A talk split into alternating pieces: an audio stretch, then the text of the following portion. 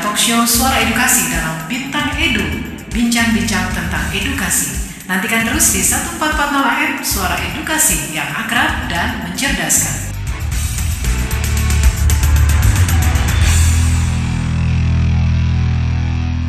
Assalamualaikum warahmatullahi wabarakatuh. Alhamdulillahirobbilalamin. Cuaca cerah, eh, badan sehat, teman banyak, rezeki juga berlimpah. Waduh, alhamdulillah banget.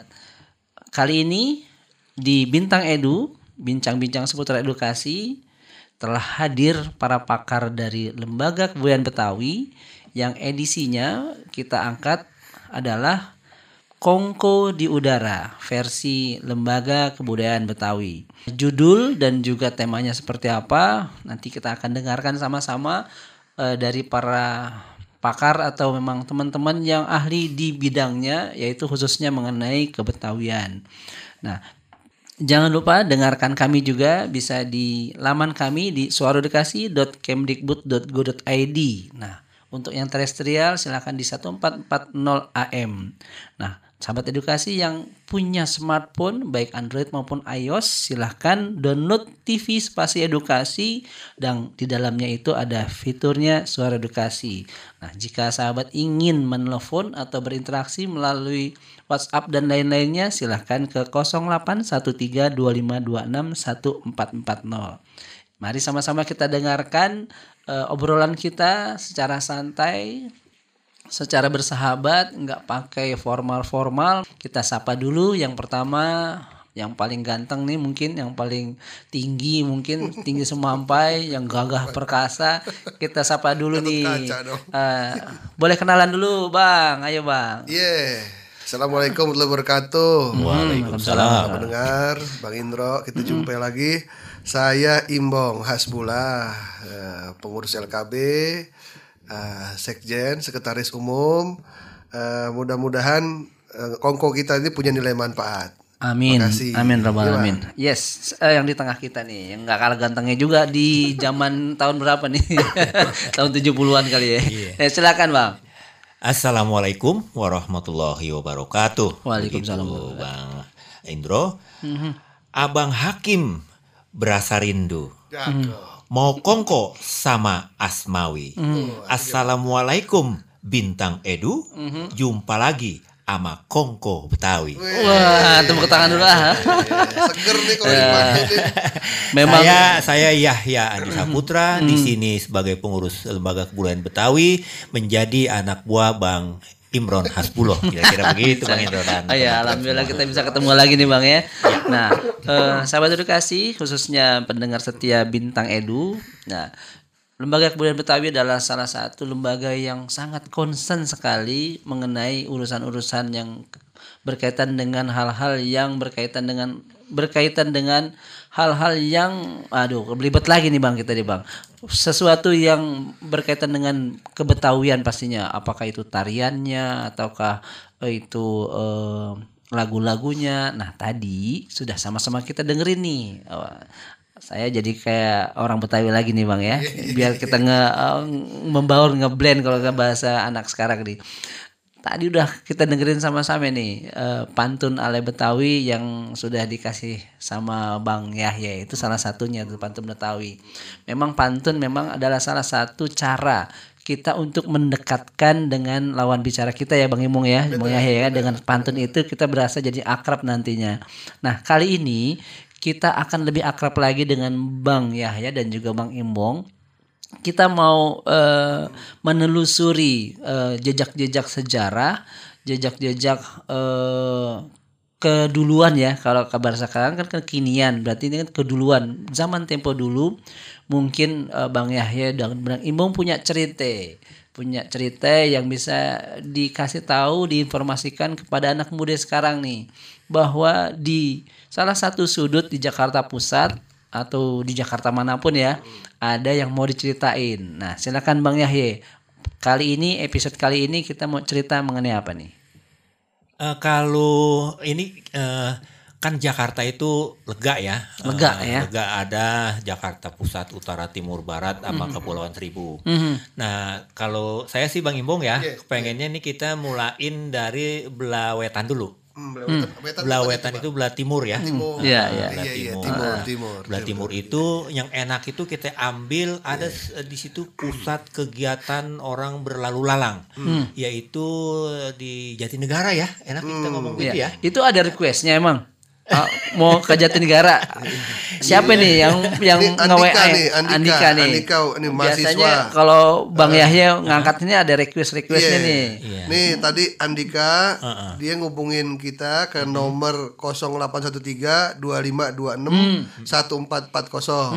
Tuh soal nanyain soal cerita soal Jatinegara emang nih Bang Yahya nih. Iya. Iya. Cornelis apa itu? Master Cornelis. Mister, Iya. Mister, Oh, ya, Mister Mister Cornelis. Cornelis. Iya, Jadi eh, ya itu namanya Mister Cornelis kemudian jadi Master gitu ya. Ya sering juga sih Bang, Iya. Bang Yahya, Bang Imong saya dengar Jatinegara, Jatinegara yang turun Jatinegara sini gitu ya. Ya kalau ada kondektur biasanya yang sekarang itu Jatinegara, Jatinegara kurang begitu Tuh beken ada ya, tuh, Bang, tuh. kurang begitu beken. Ada lagunya ya? Ada lagunya. Apa lagunya? Boleh, boleh kasih tahu. Cerita malam Ismail Marzuki. Oh, keren. Suaranya bagus kan nih kalau kita Negara kita akan berjumpa.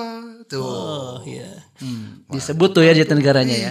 Oh iya berarti itu lagu Ismail Marzuki ya bang Iya ya? benar Bang, benar Bang. Juwita malam dari bulan katuan Kenapa gitu dari kira-kira ya? bulan Bang dia bilang? Oh Bang? jadi jadi saya membayangkan itu ruang pertemuan yang ada di situ dalam lagu itu ya bang. Eh, itu kan dia berarti ini pandangan mata seorang anak muda yang mau pergi berjuang. Itu kira-kira begitu ya bang Indro ya dan sahabat eh, edukasi.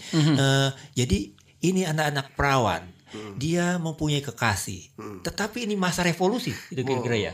Dan dia mengantarkan, dia punya kekasihnya menuju stasiun Jatinegara Nah, loh. dan terciptalah lagu itu. Jadi Iya. sepasang mata bola itu ya begitulah. Wis, keren udah. Berilah nama, alamat serta gitu ya. Itu lokasinya sebelah mana sih Bang? Lokasinya Jatinegara itu sebelah mana? Nah, Nah Kalau kita li, ngomongin Jatinegara itu kan Jatinegara itu baru beken disebut Jatinegara Tenar. ketika tentara eh, bala tentara Jepang menduduki eh, Batavia. Jadi eh, Hindia Belanda bertekuk lutut kepada bala tentara Jepang di tahun 1942. Nah, dulunya ya, ke- maka sebagai anti Belanda eh, Jepang mengganti menjadi Jatinegara tempat itu. Dulunya namanya itu yang tadi sudah kita sebut-sebut eh, sebagai Cornelis. Cornelis eh, apa namanya? Master. Eh, Mister Mister Cornelis, Mister Cornelis atau Master Master gitu ya Master. sebutnya Oh, Master iya. Cornelis. oh awal mulanya namanya Iya. Mester. Ketika iya, zaman iya. Jepang diganti jadi Ah, Jatinegara. Eh sebetulnya ini memiliki sejarah panjang ya kalau kita ngomongin ini Asal kan muasalnya nih Bang. namanya- ceritain Bang, boleh itu deh. namanya toponim gitu Bang Imong Iya, ya. betul, Topo betul. Toponimi, toponimi. ceritain Jadi, dulu, Bang. di dalam Apa itu ilmu- toponimi, Di Bang? dalam ilmu sejarah itu Bang Indro dan sahabat eh, Edukasi, edukasi, uh-huh. eh, kita kenal namanya ilmu yang disebut bagian dari ilmu sejarah itu ilmu toponimi. Jadi sejarah nama-nama tempat berdasarkan kecenderungan atau peristiwa-peristiwa yang terjadi sehingga kawasan tersebut dinisbatkan kepada penamaan umum yang sudah ada di situ. Nah, mm, Mr. Cornelis yang kemudian menjadi Jatinegara itu sebetulnya dia sudah ah, sudah dikenal pada abad ke-17 gitu kira-kira ya. Wah, udah jauh abad banget ya. ke-17 tuh udah. Jadi ketika itu kan eh, eh, Jayakarta hancur lebur oleh pasukan YP Kun di 1619. Nah, POC banyak mendatangkan orang-orang dari luar. Orang-orang dari luar ini bisa saja dia orang-orang yang ditaklukkan Hmm. oleh POC yang rata-rata memang eh, daerah taklukan itu dari kawasan timur ya Bang Imbong ya. Iya, ada iya, dari iya, Banda, ada dari Maluku, ada dari Ternate, Wah, di luar Pulau Jawa juga, Mbak, ya? Iya, jadi ya kawasan-kawasan itulah yang orang-orang kalah perang dan itulah yang dibopong mereka dibopong ya. Bopong artinya apa itu Bang? Di bawah. Digeret ke sini, digeret kemari ya. digeret ke tuh narik. Nah, ditarik Iya. Ke Batavia ke ya. Batavia. iya, iya. Tugas mereka apa? Tugas mereka yang jago-jago tentu saja di pakai tenaganya sebagai opsir. Ada lagi Iya, iya. opsir itu apa ya serdadu ya? Serdadu, tentara ya. Tentara. Ada juga mereka yang ahli-ahli nih. Ahli-ahli disuruh ngebangun kota. Hmm. Ada yang apa ya tukang-tukang lagi tuh. Tukang insinyur deh ya, berarti insinyur, ya. tukang insinyur insinyur. sekarang. Ada juga orang-orang yang ya macam-macam, yang tukang musik disuruh main musik, Oke. eh, yang eh, tukang kebun disuruh jadi tukang kebun, mereka itu mah. Nah, ada satu hamba Allah kita sebutnya hamba Allah gitu ya. Hamba Allah di abad itu yang bernama Cornelis Senen. Nah, Oke. Nah, Mhm. Siapa, Siapa Cornelis tuh? Senen ini? Cornelis Senen ini adalah orang yang dibawa dari kampung Banda. Dari Banda sono di apa Banda Nera ya. Banda Nera. Banda Ya, Nera, jauh itu banget deh pokoknya ya. Kampungnya Pak Imbong itu di sana Banda Nera. Iya, Ya, beta iya. yang beta-beta itu ngomong Daerah gitu ya, timur itu, Pak ya. Iya, Iya, Yang Bang pakai ya. beta nggak mereka ngomong? Ya, pakai beta. Oh, pakai beta. Beta, ya, pakai beta. daerah Maluku mungkin ya tuh ya kan. Mhm. dia ini dari as, daerah asalnya di- itu ada penaklukan maka orang-orang yang di sana itu khususnya laki-laki dibawalah ke Batavia Yang Nah, kuat-kuat mungkin yang ya. kuat-kuat dibawa ke Batavia. Mereka itu dijadikan sebagai buruh. Nah tapi si Cornelis Senen ini di daerah awalnya di daerah asalnya memang dia sudah berprofesi sebagai guru. Mm-mm. Nah, di samping dia sebagai guru, maka dia or, akhirnya dia tahu nih di setelah di sensus, wah ini bapak ini nggak orang sembarangan, maka dia ya. ditempatkan di kawasan yang dibangun oleh VOC itu kawasan yang khusus orang-orang dari sono. Hmm, maka di, terkenal di sini ada Kampung Bandan namanya ya. Ya. Kampung Bandan itu di kawasan Utara, eh, Jakarta Utara Jakarta. Utara itu adalah di situlah dia ditempatin orang-orang dari Banda. Salah satu yang orang tempatin di situ adalah si Cornelis Senen ini. Cornelis Senen ini buat- seperti udah udah saya katakan dia bukan orang biasa. Dia ternyata guru. Punya keahlian Punya khusus keahlian. ya istilahnya di itu ya, Bang. samping dia sebagai guru, dia juga kalau di Islam itu disebut mualim. Oh, Mualim itu tukang ngajarin. Alkitab, Ya, ya, ngajarin ya. Alkitab secara Kristen gitu ya. Ya, Jadi ya, dia ya. ke- Ulamanya lah. Maka dia diminta oleh pemerintah POC untuk ngajarin igame Kristen di kelompok mereka. Hmm. Jadi di etik mereka itu diajarinlah dia oh, cara-cara berigame secara Kristen. ya. Jangan bunuh, kasih sayang segala macam. Jadi kira-kira gitu. Nah, si Cornelis Nen inilah yang kemudian dihormatin dia kemudian karena dia dapat gaji dari itu maka dia membeli tanah di kawasan sebelah eh, sebelah barat eh, sebelah selatan bagian timur dari Batavia yaitu di kawasan yang kemudian eh, bernama nah, diambil dari namanya siapa yaitu Cornelis Senen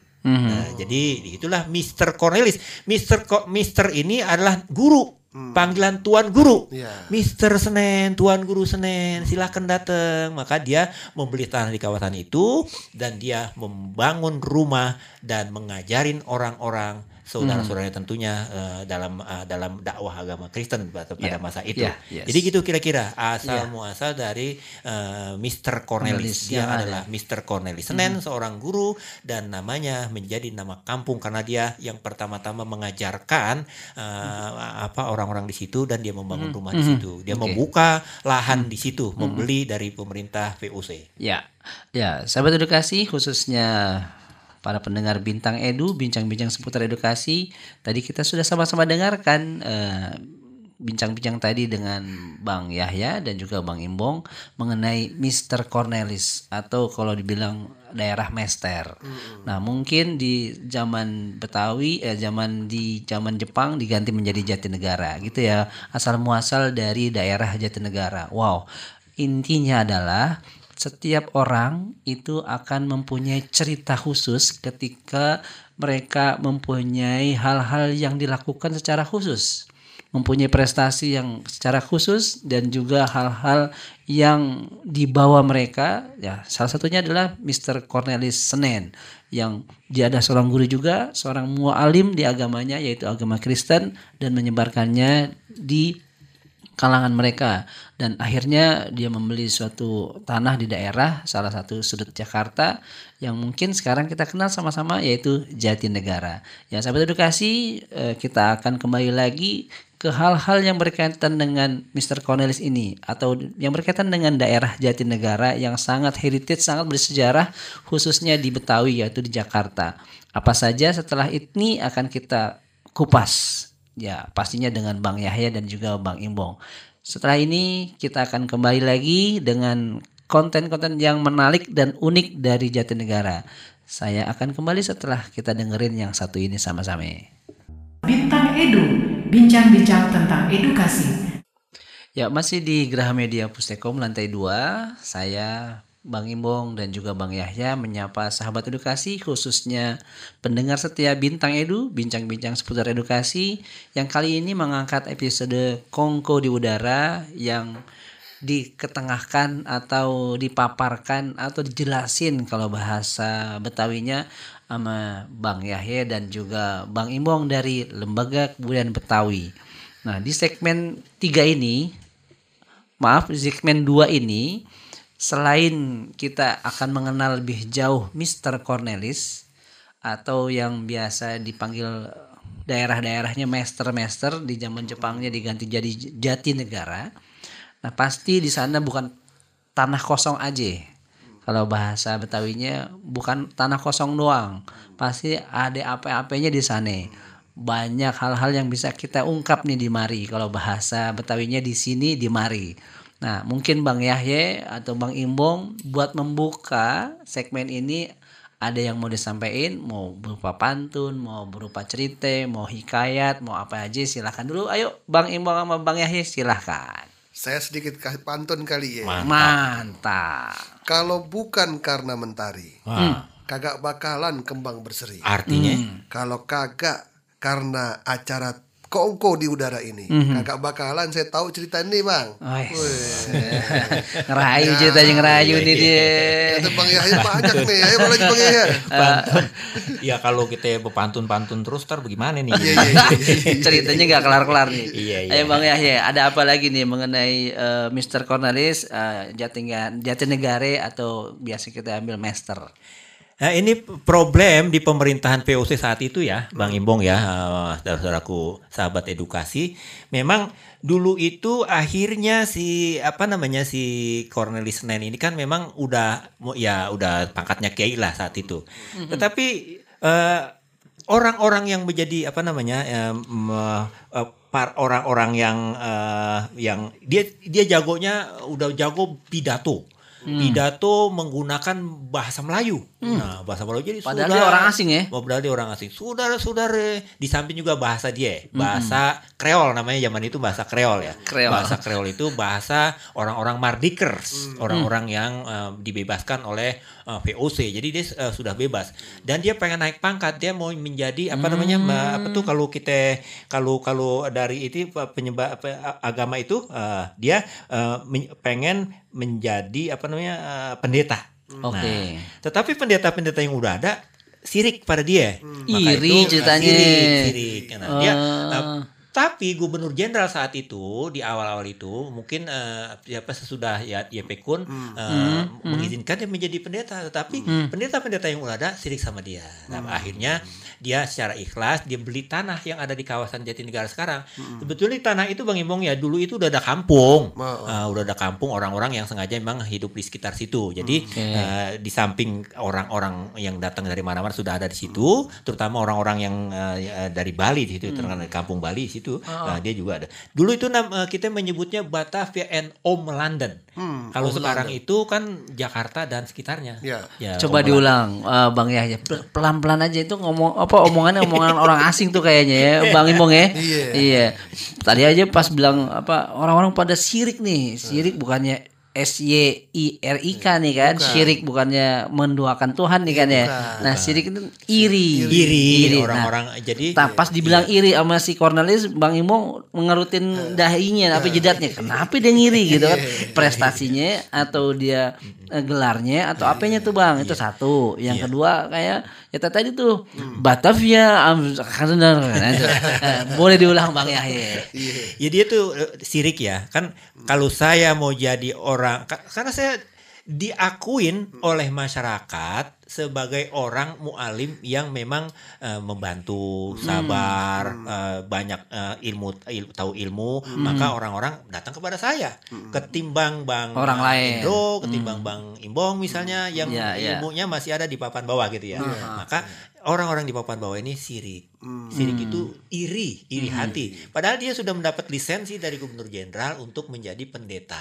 Ya. Akhirnya dia dengan punya kesadaran sendiri, dia mem- ada- eh, memang dianjurkan karena begini, kawasan Batavia saat itu masih masih kurang aman. Iya, karena iya, iya, ini kan dia dia sudah ada di kampung ini pada tahun 1632. Berarti itu kan kalau Batavia ditaklukkan 1619 maka di di dek, dua dekade pertama itu Ya. keadaan masih kacau. Iya. Maka Belum memang kondusif ya? uh, orang-orang tangan kanan dari VOC yang mau mau pindah ke eh, ke dari kota itu namanya Batavia kan kota tuh. Men- dan Omelanden Omelanden. Omelanden itu Omelanden. kawasan sekitarnya Iya. termasuk Batavia yang dibeli ka- oleh si eh, Cornelis Senen ini kawasan Omelanden Omelanden. kawasan sekitarnya. Sekitarnya. Jadi, jadi kalau sekarang Jakarta dan, Dan sekitarnya. eh, Jabodetabek itu ya, Jakarta, Bogor, Tangerang, Bekasi. Batavia Jadi dan Omelanden. Omelanden. Nah, maka dia bikin di situlah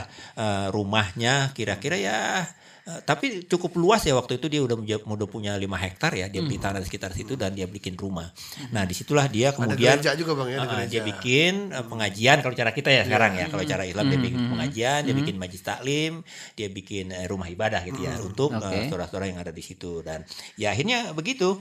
Nah, ketika dia eh, sudah meninggal, maka kawasan itu menjadi eh, tidak ada ceritanya. Nah, tidak ada ceritanya.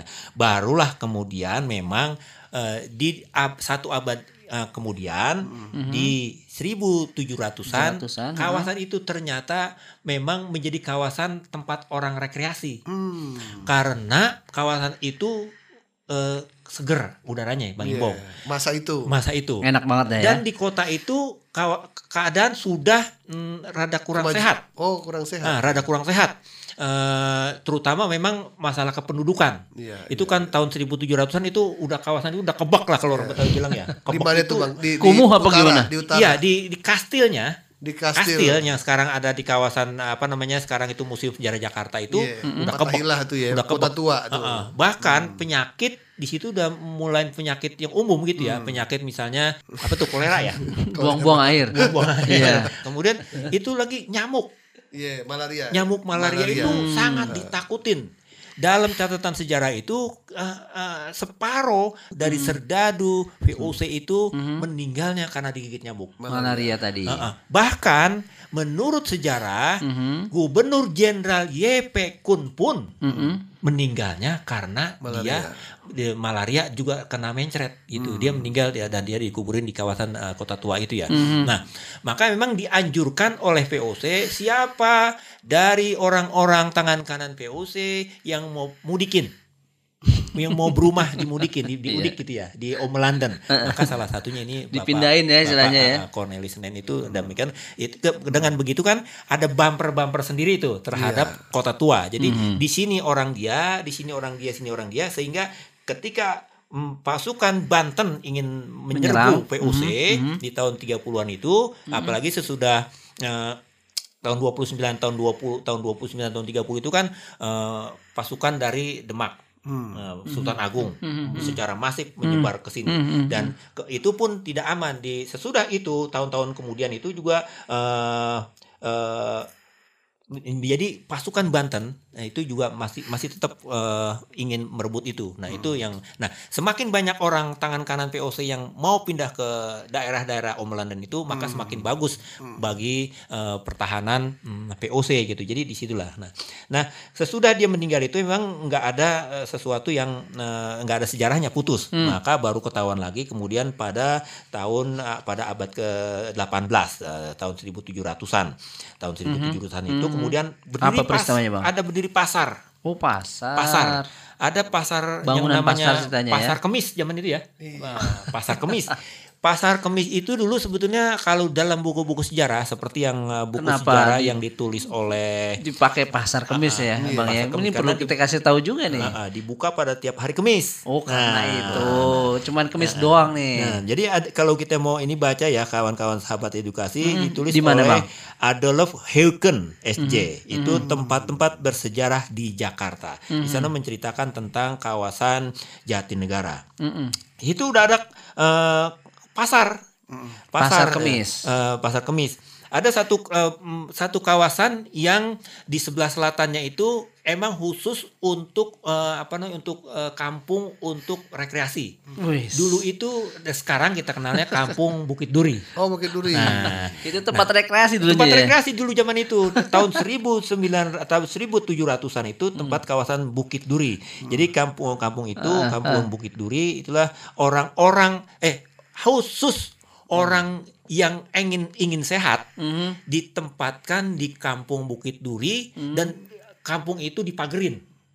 Dipagerin. Jadi menurut buku itu kampung itu dipagerin. Banyak duri-durinya maka ya. di pagar itu di atasnya dit- di- ditaruh duri duri Duri. duri duri ya kalau zaman sekarang tuh kalau misalnya ada yang demo-demo itu Iya kawat deh. kawat berduri kawat berduri maka itu kampung itu namanya menjadi kampung Bukit Duri Nah. jadi kira-kira begitu? Bang Imbong ini kan suka pelesiran nih, bisa suka jalan-jalan. Nah itu katanya di situ kan di Kampung Bukit Duri itu buat pelesir atau buat rekreasi.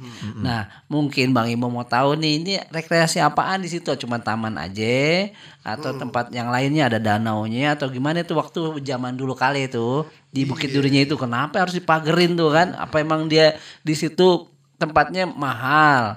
Atau emang orang-orang khusus aja yang boleh di situ? Apa pejabat-pejabatnya atau orang Belanda aja? Apa kita nggak boleh nih orang Betawi asli mau ke situ pada saat itu nih Bang Yahya nah mungkin nih kita juga perlu tahu nih Bukit Duri nih kenapa ada duri-durinya di situ kenapa itu Bang ada nggak ceritanya Soal Iya. Bukit Duri. Ah, ya Bukit Duri ya begitu kampung ini ya Bang Imbong ya Iya iya iya. kan eh, di kawasan tengah kota itu kan eh, seperti di Batalion 10 Hmm. di kawasan Senen. Bata- itu kan iya. barak-barak tuh, barak-barak militer.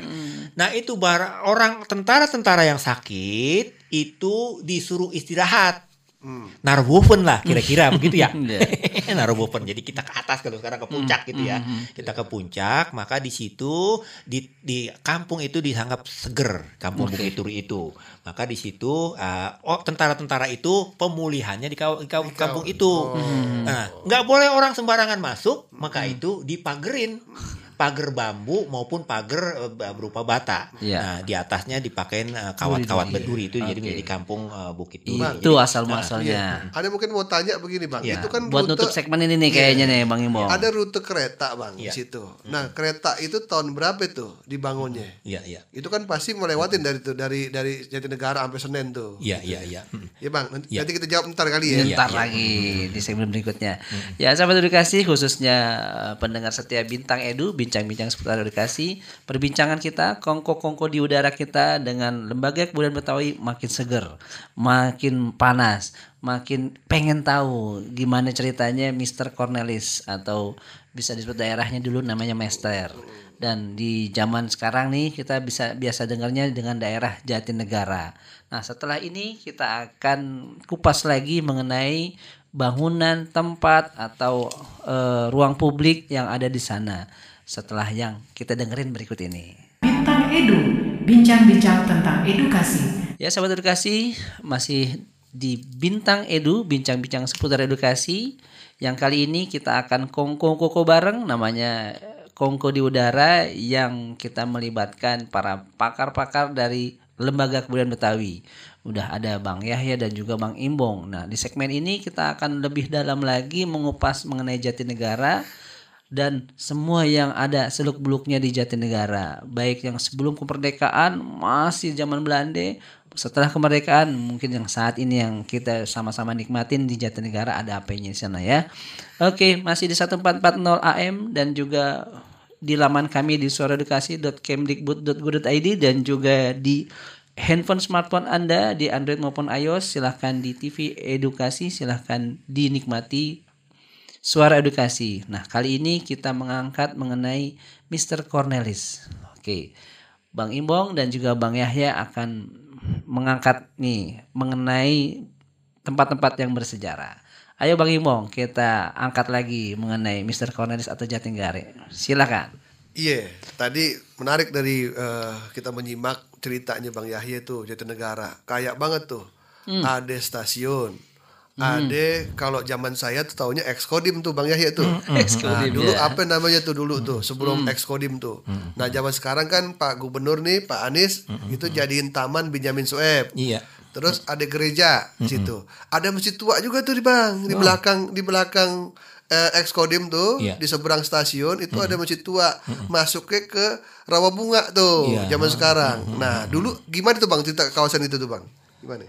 Ah, eh, jadi ini memang eh, seru ya kalau kita ngomongin kawasan ini. Nah, Nah, eh, stasiun kereta itu eh, kan di Batavia ini perusahaan eh, eh, Spoorweg gitu ya, apa ya? eh, Spoorweg namanya.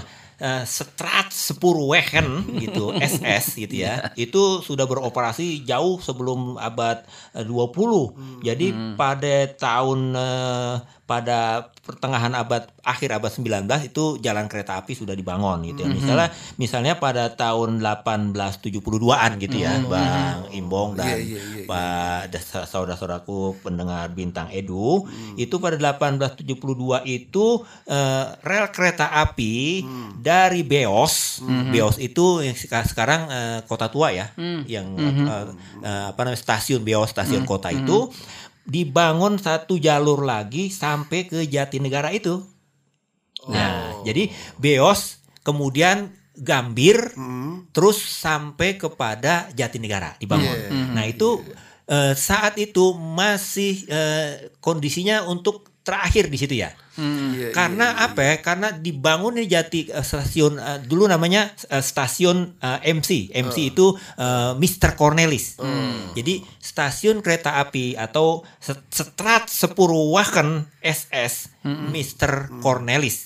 Jadi pada tahun itu eh, sudah sampai di situ. Karena apa? Karena dari Gambir ada serdadu-serdadu yang untuk latihan di alam segar yaitu di Jatinegara. Maka di kawasan itu di, eh, di dibangun apa namanya pusat-pusat latihan kalau zaman sekarang itu Bang Imong ya. Oh, iya, Pusat-pusat latihan untuk militer di alam segar gitu ya. Di Serdadu-serdadunya alam- itu buat latihan. Nah, di alam segar. Jadi Latihan fisik berarti ya, itu ya, salah satunya kali ya. Di, di situlah dibangun. Maka kita kenal misalnya ada eh, pal-pal, batas-batas gitu ya. Pal. Pa- batas-batas atau kubu-kubu atau eh, kalau sekarang tuh kalau ada or- ormas-ormas bikin pos gitu ya. Pos, Nah, iya, ada iya, iya, kubu-kubu dia nah, dulu disebutnya Pos, pal. pal. Ada pal, Pal meriam, meriam, gitu ya. Nah, Iya. gitu ya. Nah, nah, pal meriam Pal itu merah. eh, pal merah, pal, Pal batu, batu, pal- iya nah, bener. yang Oh gitu. begitu Nah, riwayatnya. iya ya iya kira-kira iya, begitu iya, ya. iya, iya. Nah, nah kemudian eh, dibangunlah kemudian pada tahun berapa itu? Pada tahun 1910-an. Hmm. Mr. Cornelis eh, Star Sport Wagen eh, pada 1910 menjadi KRL yang kita kenal sekarang. Nah itu sampai ke eh, dulu pada tahun 1925 itu memang ada tiga jalur pertemuan kereta api yang menuju ke sini. Ada dari Jatinegara sendiri, kemudian Tanjung Priok, kemudian Manggarai. Nah itu eh, kawasan itu kemudian eh, menjadi eh, orang bernaik turun eh, apa turun dan naik men- menuju Buitenzorg Buitenzorg saat itu ya Buitenzorg itu eh, sekarang kena Buitenzorg itu eh, Bogor Oh, iya betul betul Bogor betul. KRL menuju Bogor atau disebutin Buitenzorg jadi Bogor Itu arah selatan. ya arah selatan Oke, jadi kalau yang ini arah timur. arah timur. gitu. Jadi kira-kira eh, zaman itu. Nah, eh, kalau kita melihat eh, perkembangannya itu dia memang eh, ada s- masa-masa di mana eh, ada terjadi pertempuran internasional di kawasan itu, Bang Imbo. Wah, internasional, Bang. Oh, pertempuran internasional. Gede-gedean berarti itu. eh, kan Belanda, penjajah Belanda kan ditaklukkan sama Prancis Hmm. di sana tuh di, Di, di, Eropa. di negaranya. Nah, di Iya, negaranya iya. itu berdampak juga di daerah jajahannya. Iya. Ya. Maka itu ketika Belanda mengungsi ke luar negerinya karena dia dikuasai oleh Prancis, maka di sini Kuasai Prancis. dikuasai Prancis dengan gubernur jenderalnya Dendels. Dendels. Dendels. Dendels gitu ya. Oh. Dendels tuh. Jadi pada tahun 1900-an eh 1800-an sampai 1800-an 1900 eh 1810 gitu eh, eh 5 dikuasai oleh Dendels. Nah, rupanya Belanda berkongsi dengan Inggris Hmm. di sana untuk melawan Prancis. Ya. Kalah di Prancis. Maka di sini pun berdampak. Oh. Belanda bekerja sama dengan Inggris Hmm. Untuk mengusir si Prancis. Prancis, si Bersekutu Dendels. nih, ceritanya Ah, bersekutu. si Dendels. Kalahnya dia. Ini, ini pada pada awal abad 19, baru 1900-an. Maka pada tahun 1810-an, pasukan Belanda yang berkongsi dengan Inggris juga menyerbu kawasan Batavia. Nah, lo Dan serbuan-serbuan itu ber- apa mereka bertubi-tubi. be- ada di kawasan timur. Mereka eh, salah dugaan. Yang harusnya di Tanjung Priuk, tapi ini Geser. mereka lebih ke timur lagi yaitu di kawasan Cilincing. Maka dari Cilincing itulah serbuan-serbuan ke eh, ke Jatinegara masuk. Maka di situ terjadi pertempuran antara pasukan Inggris dan pasukan Prancis. Perancis. Ya. Maka saat itu kemudian di sana eh, terjadi perubahan politik juga kan. Eh, Inggris eh, menang dan di sini menjadi Raffles yang berkuasa. Oh, Gantian. Inggris. Ram Inggris. Bentar Iya. bang, Berkuasa kalau. Raffles itu dulu kan dia ngebangun jalan tuh. Iya. Iya. Eh bukan Raffles dong, Ya, Dendles. Dendles, bangun jalan. Gitu. Termasuk Jatinegara tuh, berarti Iya. ke timur. Jadi kawasan itu Oh. jalan pos itu eh, Posweg namanya, eh, Strat Posweg, eh, eh, jalan raya besar itu dibangun pada masa dia. Jadi dia eh, kenapa dia bangun begitu? Karena untuk memudahkan mobilisasi pasukan-pasukan mereka sendiri sebetulnya. Ya, ya. Jadi di samping juga kabar-kabar itu maka jaringan jalan besar dibangun, jaringan kereta api juga dibangun. Nah, jadi nah s- ada cerita yang menyedihkan di kawasan itu eh, dari pertempuran dari pertempuran antara pasukan Prancis dengan pasukan Inggris yang eh, eh, bersama Belanda itu eh, ada kampusan eh, kampung sekarang namanya eh, jalan atau Gang Solitude. Apa tuh, Bang? Sorry itu dah. Gang Solitude di situ ada tuh, ada kalau Solitude. kita ada ada mana itu, Bang? viaduk, viaduk itu jalan Solitude itu eh, lapangan dekat lapangan Urip.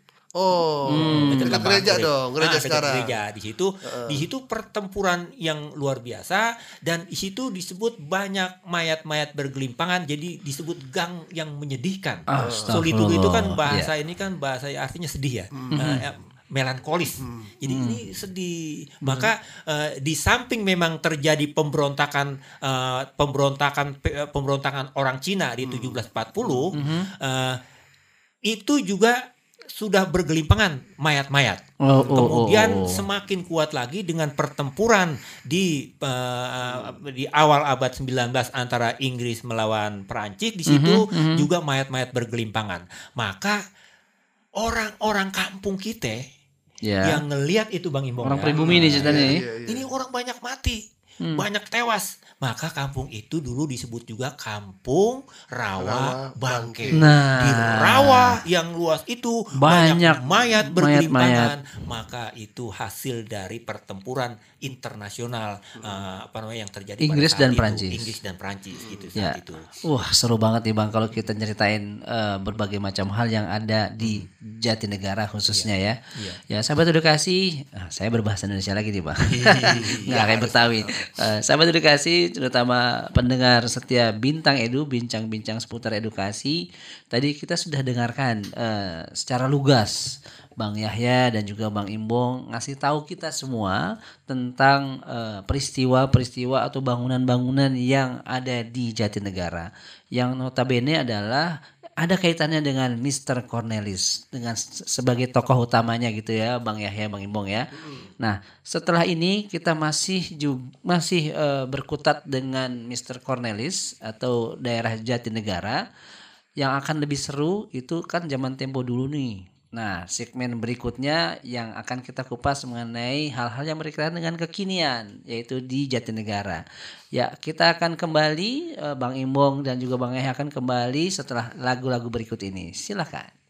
Bintang Edu, bincang-bincang tentang edukasi. Ya, masih di Geraha Media Pustekom lantai 2. Saya Indro dan juga Bang Yahya dan nggak lupa juga Bang Imbong menyapa sahabat edukasi radio suara edukasi yang akrab dan mencerdaskan kali ini mengupas mengenai Mr. Cornelis yang ada di Jatinegara pada saat itu yang mungkin bisa disebut-sebut juga dengan daerah Mester-Mester. Oke, eh, orang-orang dulu mungkin kondektur-kondektur kita yang ada di bis menyebutnya turunnya di Mester. Oke, nah kali ini kita mau mengupas atau ngasih tahu informasi, ngejelasin Jatinegara saat ini seperti apa, kemajuan-kemajuannya, dan juga kehiruk pikukannya di Jatinegara. Mungkin Bang Imbong selaku orang Jakarta atau Betawi asli yang pasti tahu nih ja- jalannya atau Jatinegara kayak bagaimana. Mungkin beliau akan cerita sedikit nih buat pengantar bahwa Jatinegara tuh nggak kayak dulu lagi gitu. Ada perubahan-perubahannya yang drastis mungkin. Dan Bayang Yahya pasti akan cerita juga nih yang kekiniannya. Kenapa Jatinegara yang sekarang ini kayak begitu. Ya, ayo Bang Imbong kita angkat lagi. Iya, makasih Bang Indro. Kalau anak eh, Tebet pada masa di era tahun 80-an deh ya, itu memang arahnya tuh kalau mau belanja ke Jatinegara gitu, ke Mester, itu disebutnya pasar Mester. Di masa itu memang wah seru banget deh. Itu pasarnya ramenya Wah, kulakan segala macem Iya. barang-barang. Termasuk juga ada saya masih ingat itu Apa tuh, ada Bang? jamu, ada jamu juga di situ. Di era 80-an tuh kan ngetop ada jamu, ya Bang ya. ya? Waduh jam. Jamu apa ya dulu? mungkin apa? dong. Jamu cap jago kalau Oh, nggak salah. cap jago. Itu dia jadi dia buka kayak tokonya tuh standnya bisa minum di situ, gitu, minum jamunya. Nah, terus aktivitinya lumayan unik lah di era itu, termasuk yang di kolong di kolong jembatan nih bang ya. Itu tahun berapa ya? Yang ada tari tari apa sih namanya itu bang? Tari dari eh, Jawa Tengahan, utara tuh. Oh ya keliningan. Keliningan. Nah, tuh. Itu ada juga begitunya. Jadi karena itu pusat kereta api eh, di situ, Jatinegara itu jadi eh, hiruk pikuknya kemacetannya dan orang belanja orang-orang daerah Pondok Kopi Ya. gitu ya. Sirkulasi timur. manusianya dari Iya. situ ya, Karena dari di masa itu stasiun. kan eh, Bekasi pun belum ada mall kan di masa itu kan ya. Iya, Jadi semua tuh arahnya ke situ gitu buat belanja. Nah, saya kangen situasi itu dengan kondisi sekarang. Kondisi sekarang itu eh eh, sudah tidak seramai masa lalu ya karena memang sekarang udah Banyak mall-mall, pilihan. banyak pilihan. Di Buaran aja udah banyak mall tuh Bang ya, ya.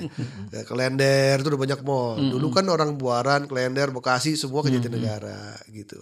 Yang ada sekarang tuh Batu Akik gitu. Ada kebetulan hobi Batu Akik langsung gitu.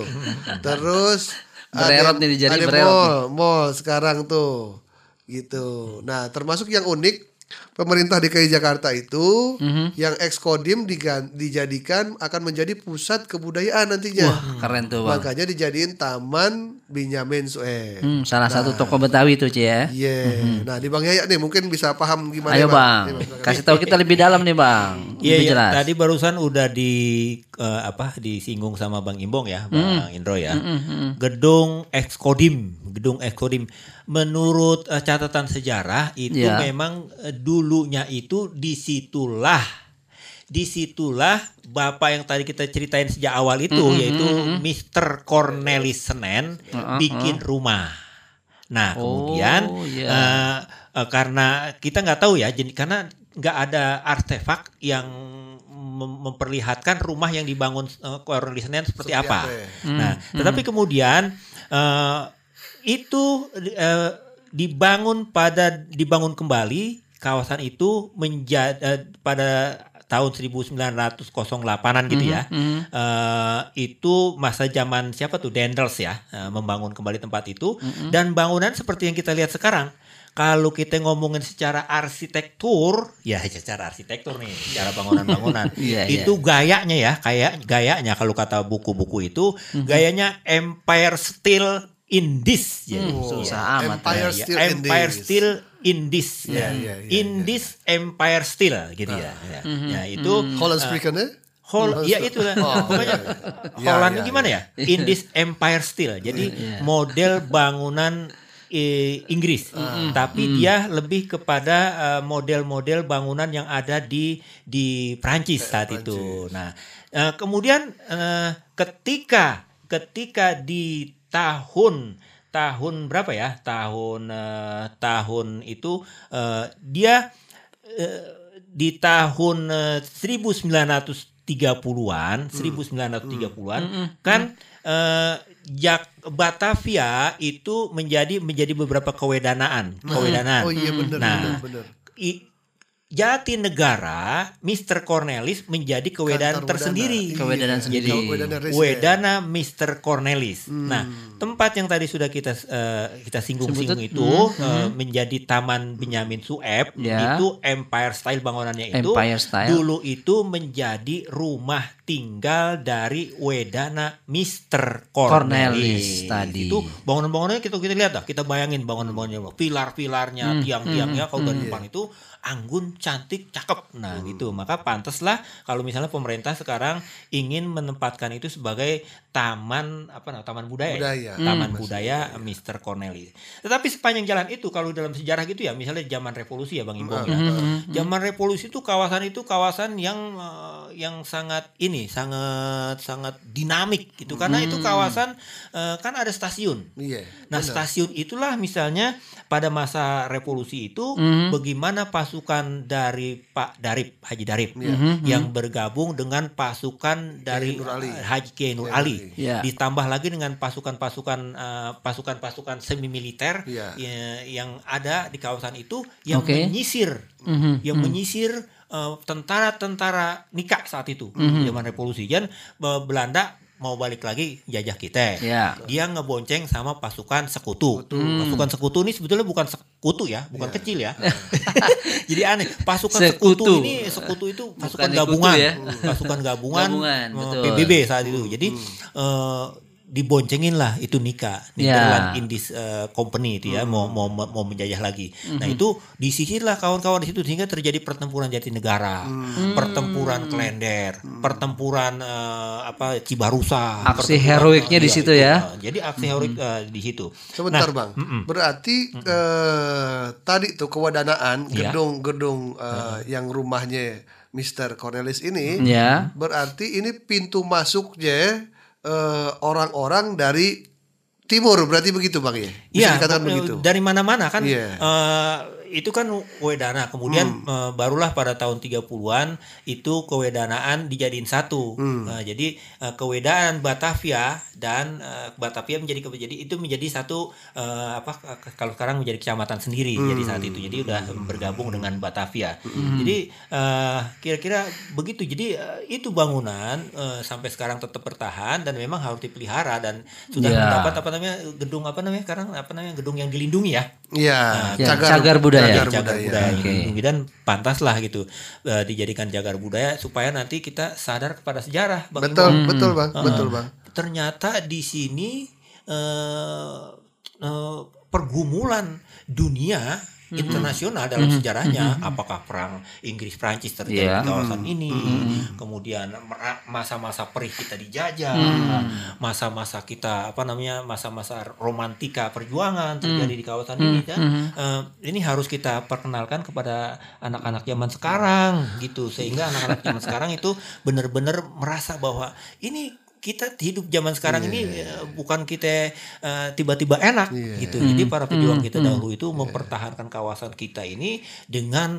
ber- berpeluh-peluh dengan bercapek-capek dengan eh, Berdarah-darah ya. Iya, dengan jaminan Berkembang. nyawa dia sendiri dia nggak pikirin tuh. Yang penting nanti kita merdeka kira-kira Ya, begitu. ya, Bang. ya. Ini ada nggak sih bang cerita cerita kayak begini di di internet atau di buku atau Bisa didapat di mana nih Di mana cerita yang Bang? begini ya? Ya sebetulnya kan kalau kita berselancar di dunia di dunia maya Di searching nih, Bang, ya. Di mana Bang? cerita-cerita begini ya, kita mesti dapat. Cuman memang eh, karena itu kita menulis secara bebas, tentu saja eh, akurasinya masih sangat payah gitu. Sehingga Baik, baik. eh, sehingga nanti itu yang harus kita lempengin, kita lurusin melalui perbincangan obrolan di udara ini di radio edukasi ini. Jadi itulah yang yang enaknya bahwa kita mempunyai manfaat obrolan kita nih seperti Bang Imbong tadi eh, bilang. betul. Iya, benar, kita mempunyai manfaat untuk melempengin Mhm. pemahaman sejarah terhadap kawasan-kawasan yang ada pada eh, Jakarta dan sekitarnya gitu, Bang Indro. Hmm, ya, ya.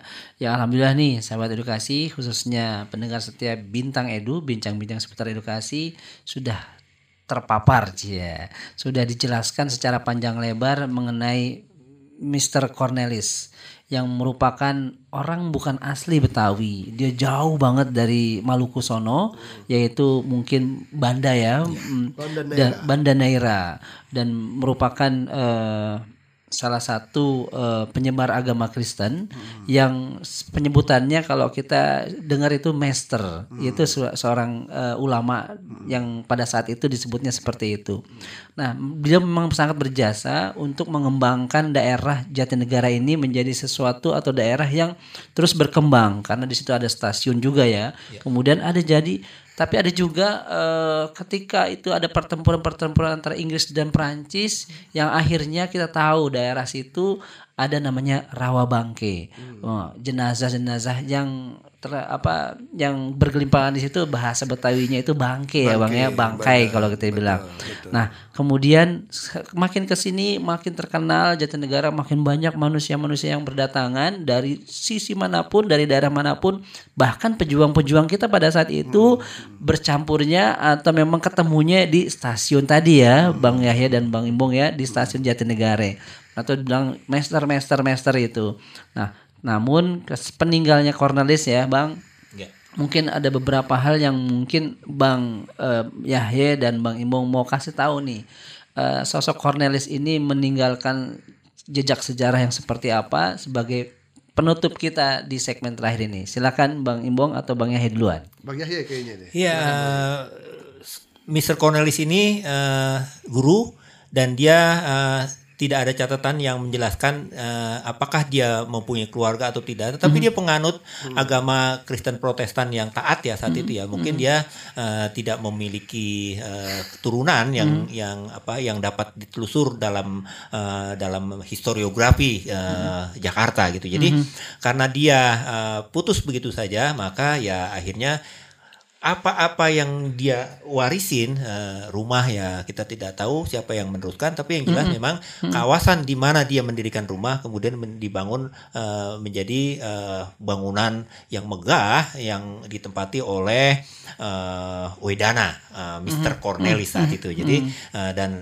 gedung itu masih menjadi bukti sejarah bagi generasi muda zaman sekarang bahwa memang eh, Jakarta ini khususnya Jatinegara itu memiliki sejarah panjang di dalam hidupnya dan Oke. itu harus kita kenang, Ya. harus kita tahu supaya keperihan-keperihan masa sejarah tidak kita ulangi lagi pada masa yang akan datang dan kita cukup bercermin kepada gedung itu. Ini Ya. gedung memberikan arti dan makna tersendiri bagi generasi muda zaman sekarang, bagi generasi muda yang akan datang dan bagi generasi muda yang akan datang, akan datang, akan datang lagi. Bahwa sejarah Banyak kita memberikan pelajaran kepada kita dan itu harus kita tahu dan kita sadarin. Begitu Ya, Bang Indro. ya itu pesan-pesannya dari Bang Yahya itu buat generasi muda. Nah, sedikit lagi pesan-pesan atau eh, nilai historik- historikal dari Jatinegara yang mau disampaikan sama Bang Imbong.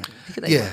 Kalau dari saya, Hmm. saya pengen tempat ini, kawasan ini menjadi destinasi wisata baru di Jakarta. Hmm, Keren, betul. Itu bisa jadi alternatif eh, ya, Bang iya. ya? Mhm. Jadi bisa-bisa juga menjadi bukan saingan kota tua. Hmm. Maksudnya ini bisa jadi opsi juga tempat itu menjadi pusat eh, apa namanya destinasi baru untuk untuk untuk pariwisataan di Jakarta. Hmm. Amin. Karena banyak tuh ada gerejanya, ada masjid tua juga ada tuh.